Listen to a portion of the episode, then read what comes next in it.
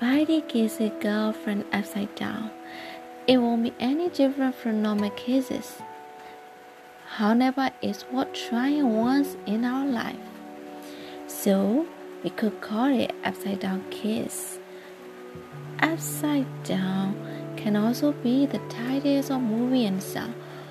We, haven't tried it, but it's definitely an experience of a 50 years old dwarf girl when she was down on the roller coaster with her friends and she was screaming and crying and flood of tears. Actually, it's a bully more than a fanny that she didn't notice at the time. So her whole world upside down. Can we also saw they both are upside down. They made you feel dizzy, but they will treat you right as you already accepted. But when you grow, you may change and refuse to try by telling the people that you're shy, but actually it's a lie. You may find you have to set the meaning of upside down.